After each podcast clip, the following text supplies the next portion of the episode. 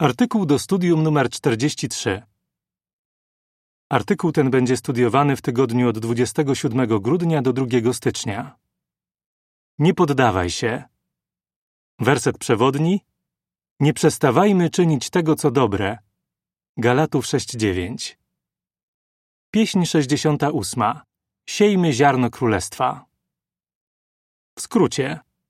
Kiedy ludzie pozytywnie reagują na dobrą nowinę, jesteśmy szczęśliwi, a kiedy nie, czujemy się rozczarowani. Być może zainteresowany, z którym studiujemy, nie robi postępów, albo osobiście nie pomogliśmy nikomu poznać prawdy. Czy to oznacza, że nie wywiązujemy się dobrze z obowiązku pozyskiwania uczniów? W tym artykule przeanalizujemy, co jest miarą sukcesu w naszej służbie i co pomoże nam zachowywać radość bez względu na reakcję ludzi. Akapit pierwszy. Pytanie: Co sprawia, że jesteśmy szczęśliwi i dumni? Jesteśmy szczęśliwi i dumni, że możemy być świadkami Jehowy. Nazywamy się od imienia Boga i żyjemy zgodnie z naszą nazwą, biorąc udział w głoszeniu i pozyskiwaniu uczniów. Cieszymy się, kiedy możemy pomóc poznać prawdę komuś, kto ma właściwe nastawienie serca potrzebne do uzyskania życia wiecznego. Dzieje 13:48. Czujemy to samo co Jezus, który rozradował się pod wpływem Ducha Świętego, gdy jego uczniowie wrócili z udanej kampanii ewangelizacyjnej. Łukasza 10:21. Akapit drugi. Pytanie: Jak możemy pokazać, że podchodzimy do naszej służby bardzo poważnie? Podchodzimy do naszej służby bardzo poważnie. Apostoł Paweł zachęcił Tymoteusza: Stale zwracaj uwagę na siebie i swoje nauczanie. Dodał też: Dzięki temu wybawisz zarówno siebie, jak i tych, którzy cię słuchają. 1 Tymoteusza 4:16. Tak więc w grę wchodzi życie. Chcemy zwracać uwagę na samych siebie, bo jesteśmy poddanymi Królestwa Bożego. Dlatego zawsze staramy się postępować w sposób, który przynosi chwałę Jehowie i pozostaje w zgodzie z tym, co głosimy. Chcemy też zwracać uwagę na swoje nauczanie. Robimy to, kiedy dobrze przygotowujemy się do służby i prosimy Jehowę, żeby nam w niej błogosławił. Akapit trzeci. Pytanie: Z jakimi reakcjami na dobrą nowinę możemy się spotkać? Podaj przykład. Jednak może się okazać, że mimo naszych najszczerszych starań niewiele osób na naszym terenie reaguje pozytywnie, albo nawet nie robi tego nikt.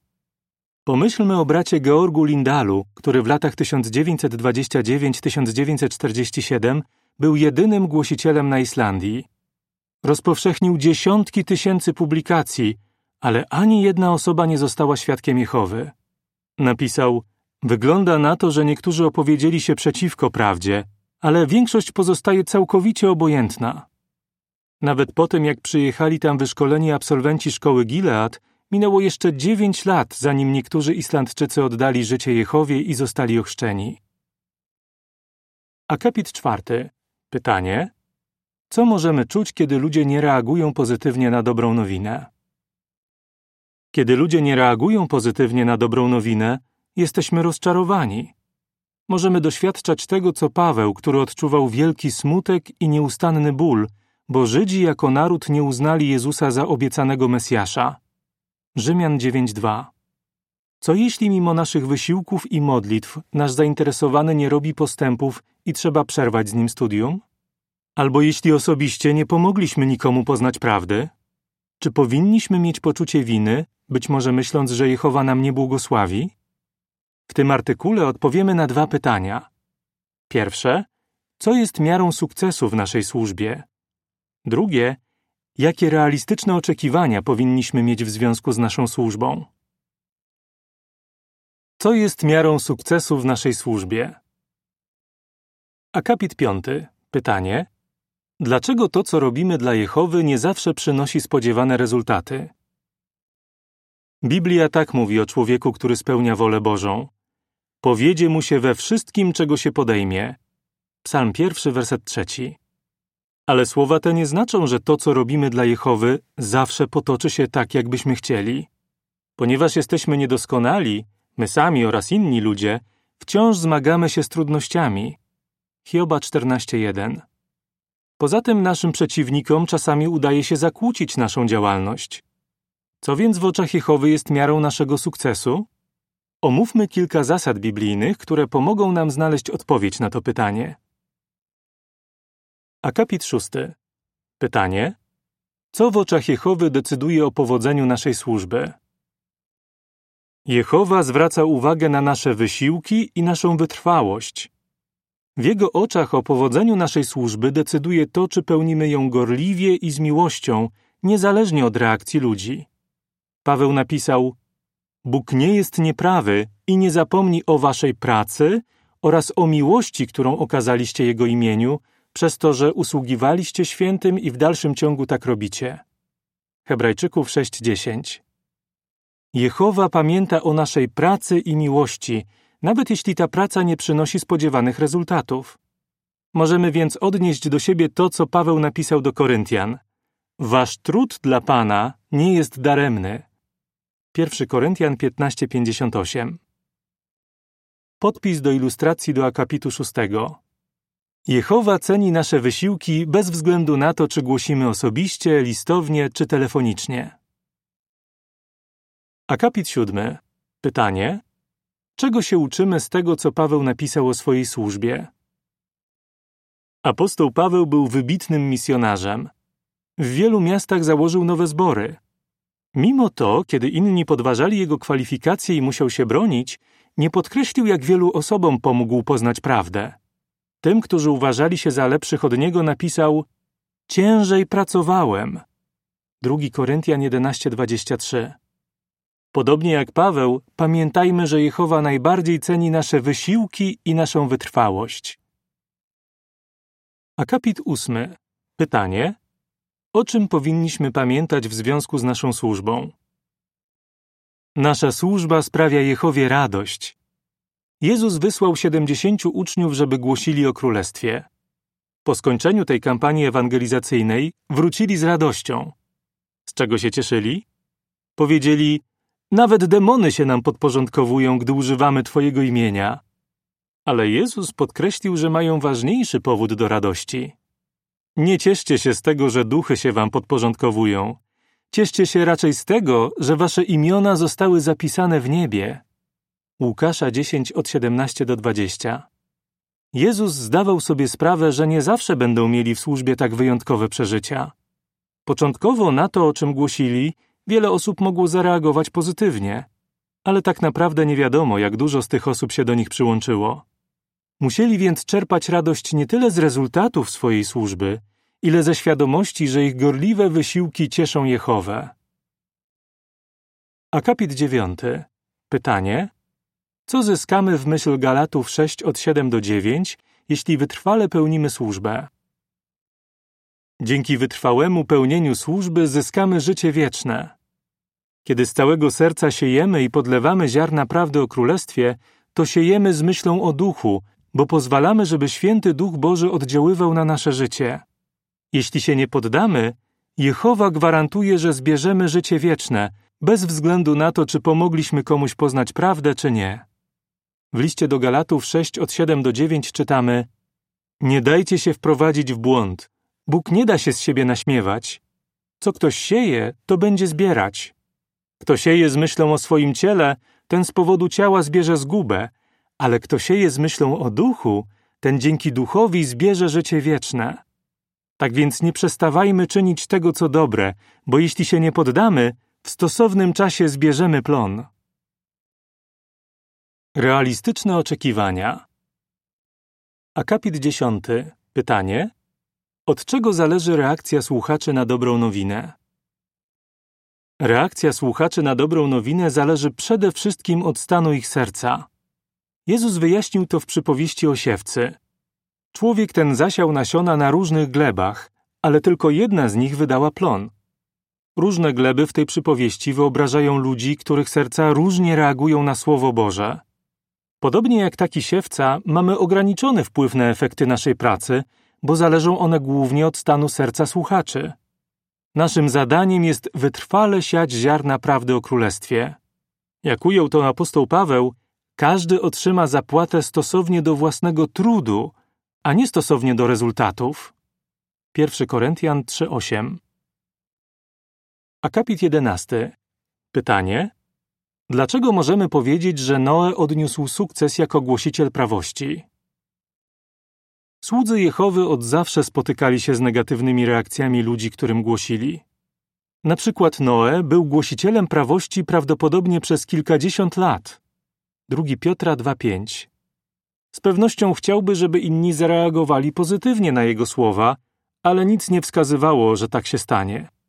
Przeciwnie, kiedy Jehowa zlecał mu budowę arki, powiedział: Wejdziesz do niej ze swoimi synami, z żoną i synowymi. Rodzaju 6:18. Również biorąc pod uwagę wymiary i pojemność arki, Noe mógł się spodziewać, że posłucha go niewielu. Jak się okazało, nie zrobił tego żaden z tamtych niegodziwych ludzi. Czy Jehowa uważał, że Noe zawiódł? Nic podobnego. W jego oczach odniósł sukces, bo wiernie wywiązał się z tego, co on mu zlecił.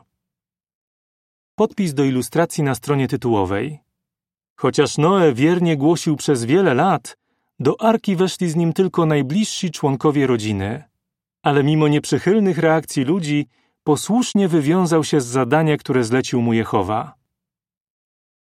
Akapit 12. Pytanie: Dzięki czemu Jeremiasz odzyskał radość ze służby? Podobnie było z prorokiem Jeremiaszem. On też przez kilkadziesiąt lat znosił obojętność i sprzeciw. Pewnym momencie zniewagi i szyderstwa przeciwników tak go zniechęciły, że chciał przestać głosić. Jeremiasza 28. Ale się nie poddał. Dzięki czemu pokonał negatywne myśli i odzyskał radość? Skupił się na dwóch ważnych rzeczach. Po pierwsze na tym, że to, o czym głosi, daje ludziom przyszłość i nadzieję. Jeremiasza 29:11. Po drugie na tym, że występuje w imieniu Jehowy. My również głosimy o nadziei ludziom, którym jej brakuje. I my również występujemy w imieniu Jehowy. Kiedy koncentrujemy się na tych dwóch ważnych rzeczach, służba może sprawiać nam radość niezależnie od reakcji ludzi. Akapit 13. Pytanie: Czego się uczymy z przykładu Jezusa zapisanego w Marka 4 od 26 do 29? Duchowy wzrost następuje stopniowo. Jezus wskazał na to w przykładzie osiewcy, który śpi. W Ewangelii według Marka 4 od 26 do 29 czytamy i mówił dalej: Z królestwem Bożym jest jak z człowiekiem, który rozrzucił na ziemię ziarna. W nocy idzie spać, za dnia wstaje, a tymczasem ziarna kiełkują i wyrastają wysoko. Ale jak to się dzieje, tego on nie wie. Ziemia sama stopniowo przynosi plon. Najpierw źdźbło, potem kłos, w końcu pełne ziarno w kłosie. A gdy tylko zboże dojrzeje, człowiek chwyta za sierp, bo nadeszły żniwa. Rośliny, które wykiełkowały z wysianych przez siewce ziaren, rosły stopniowo. Nie mógł on tego przyspieszyć. Podobnie jest z pozyskiwaniem uczniów.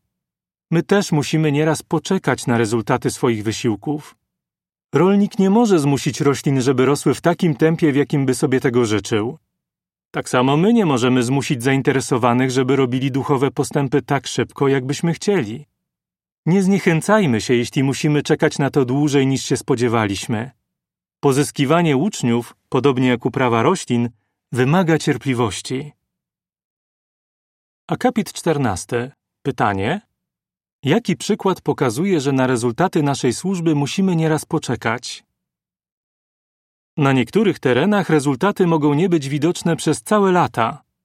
Zobaczmy, co przeżyły Gladys i Ruby Allen. W roku 1959 te dwie rodzone siostry, będące pionierkami stałymi, zostały skierowane do pewnego miasteczka w kanadyjskiej prowincji Quebec. Z powodu presji otoczenia i wpływu Kościoła katolickiego ludzie nie chcieli słuchać dobrej nowiny.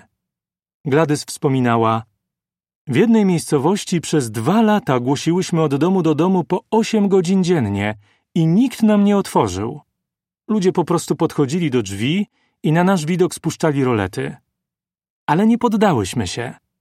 Z czasem mieszkańcy tej miejscowości złagodnieli i niektórzy z nich zaczęli słuchać. Teraz są tam trzy zbory. Akapit 15. Pytanie: Czego słowa z 1 Koryntian 3, 6 i 7 uczą nas o pozyskiwaniu uczniów? Pozyskiwanie uczniów to praca zbiorowa. Żeby zainteresowany poznał prawdę, potrzebny jest cały zbór. W pierwszym liście do Koryntian 3, 6 i 7 czytamy Ja zasadziłem, Apollos podlał, ale to Bóg dawał wzrost. Dlatego nie liczy się ani ten, kto sadzi, ani ten, kto podlewa, tylko Bóg, który daje wzrost. Załóżmy, że jakiś głosiciel zostawia komuś traktat lub czasopismo. Kiedy okazuje się, że nie będzie mógł dokonać odwiedzin ponownych, prosi o to innego głosiciela, a on zakłada studium biblijne. Potem zaprasza na to studium różnych współwyznawców, którzy na różne sposoby zachęcają zainteresowanego. Każdy brat lub siostra, z którymi się on zetknie, podlewa zasiane ziarno prawdy. Dzięki temu, jak powiedział Jezus, siewca i żniwiarz razem się cieszą z duchowego plonu. Jana 4:36 Akapit 16. Pytanie: Dlaczego możemy mieć radość ze służby, nawet jeśli nasz udział w niej jest ograniczony? A co jeśli zdrowie i siły pozwalają nam brać jedynie ograniczony udział w służbie? Mimo to możemy mieć z niej radość. Pomyślmy o tym, co się wydarzyło, kiedy król Dawid i jego ludzie odbili swoich bliskich i dobytek z rąk Amalekitów. Dwustu mężczyzn było zbyt wyczerpanych, żeby walczyć, dlatego zostali i pilnowali rzeczy. Po wygranej bitwie Dawid nakazał podzielić łupy równo pomiędzy wszystkich. Przykład ten można odnieść do ogólnoświatowej działalności kaznodziejskiej. Wszyscy, którzy robią w niej to, na co ich stać, mogą się cieszyć z każdej osoby uratowanej z tego świata. Akapit 17. Pytanie: Za co jesteśmy wdzięczni Jehowie? Jesteśmy wdzięczni Jehowie, że patrzy na naszą służbę w tak życzliwy sposób. On wie, że nie zawsze mamy wpływ na rezultaty swoich wysiłków. Zwraca uwagę na naszą gorliwość i szczere pobudki i nas za nie nagradza. Uczy nas też, jak czerpać radość z osobistego udziału w wielkich duchowych żniwach. Możemy być pewni, że jeśli tylko się nie poddajemy, On jest z nas zadowolony. Jak byś odpowiedział? Co możemy czuć, kiedy ludzie nie reagują pozytywnie na dobrą nowinę? Co jest miarą naszego sukcesu w służbie? Dlaczego nie powinniśmy się skupiać na tym, ilu osobom pomogliśmy poznać prawdę? Pieśń 67. Głoś Słowo Boże. Koniec artykułu.